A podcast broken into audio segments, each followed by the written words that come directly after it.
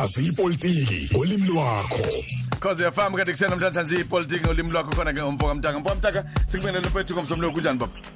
Abendlovu enamandla enhla nasezantsi siyabingelela sodofa Sabonga mfethu ube nathi ekseni namhlanje sobheka ukuthi khona abantu esibabeka e- ezikhundleni singabheki ukuthi ikhono likhona yini noma isipiliyoni sikhona yini. Eh ukubiza ukuthi ubuyila ubula ukubeka abantu eh, ezikhundleni. Sodobo mhlawumbe angiqale ngendlalele lenkulumo ngisuse okungelona iqiniso kubuye kukhulunywe osopolitiki. Mfowethu. i-DA ivama ukuba nehaba kulolu daba. Noma ikhona ingxenye eyiqiniso kepha ku- okukhulu lihaba. Eh emazweni omhlaba kujwayelekile ukuthi uma uhulumeni othize ungena emandleni bese ufika nabantu bawo. Isibonelo nje komelika uma Obama efike ngene bawumengameli bonke kade besebenzela uBush ngishintsha egcekeni iyaphuma. Mm. uOba- uObama afike nenja yakhe afike nabantu bakhe abazomsebenzela ngoba bazi imicabango nemigomo yakhe. Ngesilungu ke sasemelika nepolitiki yakhona eh kuthiwa ke a change of administration.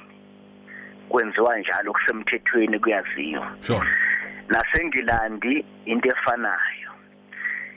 eAfrika ke nakhona bayakwenza ukuthi uma kungena abantu bese befaka abantu. Inkinga ke bakhona kuthina lapha eAfrika kakhulukazi eningizimu Afrika eh nakhona sesiyasibona isihlava ukuthi sithi mase sikwenza lokhu bese singafake abantu abanamakhono sibafake ngoba beliqembu lethu. Mm ikheso tobo kuyenziwa kwamanye amazwe ngoba laba abaqashwayo kusuke kwenzelwa kakhulukazi akwenziwa kuzo zonke izikhundla akusuke nje kumane kuthiwa hayi wonke umuntu akahambe. Kepha kwenziwa izikhundleni ezimqoka njengo DJ kanje isibonelo.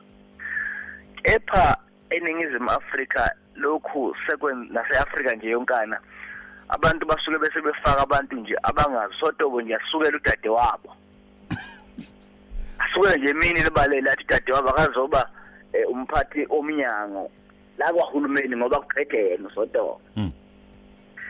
ngithi ke kuyingozi lokho ngoba kwenza izinto ezimbili okokuqala kufaka iqembu leli liphethe enkingeni yokuthi ufaka umuntu ongazi lutho umuntu ozoba isibuko seqembu emphakathini nasezweni lonke bese uthukwa ngaye ngoba kuzothiwa awu lo muntu ofakwe usotobo noma labantu abafakwe iqembu likasotobo kabasebenzi.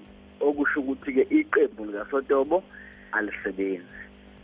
Okwesibili uhamba kabi lapha e- ekusebenzisaneni kwabasebenzi ngoba kukhona abantu abasuke bekhona phela ngenxa yokufunda kwabo. Ngenxa yeminyaka yabo. Bese wena nje ufika nodade wenu noma ufike nomza wakho noma ufike nomuntu enaniboshwe naye udakathi ukubamba bamba kancane. Lo mkhuba ke sotobo mubi angikusho futhi lokho awenziwa kuphela iANC yebo iyakwenza iANC bakhona abantu esibaziyo ukuthi lona ke ufukwe nje akazi lutho. neDA yeWestern Cape yakwenza lokho. Nenkatha ibikwenza komasipala Sure. neNSP izokwenza ngoba abantu bathi masebephethe bafaka abantu abacabanga ukuthi babona bayazwana namona bayalazi iphupho labo Okay. kepha ngithi abangenzi ukuphukuphuku noma bekwenza bafake nje ofukwe umuntu ongazi lutho umuntu alande nje ingane yakubo athi ayibambe lapha ehofisini mhlawumbe Okugcina- asiphethe asiphethe ah, okay eh mhlawumbe ngolunye umuzi bengicela ukubuza mfethu ukuthi na- nazi izinkinga lokuyivumbulula ivela zikhona ngoba kuyenzeka uthola ema departmentini ahlukahlukeneyo kube khona abantu basekhundleni ezithile kodwa kungasebenzeki kahle ngoba mhlawumbe umuntu impela osesikhundleni akuchekwanga kahle ukuthi ngawenza umsebenzi. Kwenziwa njani? Uhulumeni uthini? Eh kusuka kumongameli uze phansi umongameli phela ngeke akwazi ukungena kwama project ukuthi ioffice neoffice khona umuntu okahle senze njani mntana ngingakuphenduli nje lapho sotobo ngoba im- impendulo ilula nje ayidingi nesikhathi esiningi.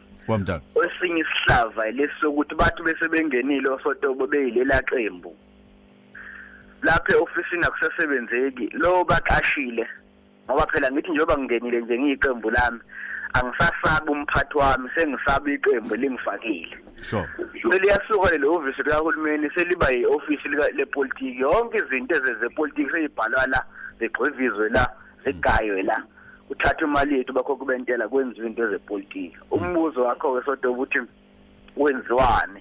Abaxoshwa abaqoshwa akufuneki akaxoshwe nje sodoba umuntu ongazi ukuthi uqashweleni ongakufundelanga lokho ongenalo ikhono lalokho akufuneki adatshukelwe ngoba into eyenza amazwe ase-afrika awe ile nto yokudabukelana.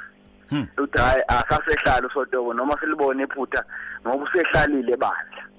Uyawo uhulumeni ngalo bandla sotobo ngoba sikule inkinga nje ilo bandla bandla ake sifunde bakithi amaqembu asiphethe ake kasilethele abantu abakwazi asisho ukuthi abangabafaka abantu babo ngoba vese eh, into eyenziwayo umhlaba wonke into eyenziwayo nsuku zaphuma. Kepha esikucelayo nje kukodwa esicabanga ukuthi akuyona inkinga.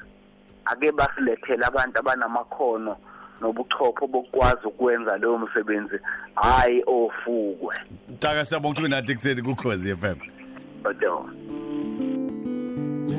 Kanti ungaya kwi Facebook page ingabadi group bese uyakwazi ukuthi wena Paul khona. Ngehloso namhlanje kusena umtaka noma kanjani nokwazi ukukhuluma naye.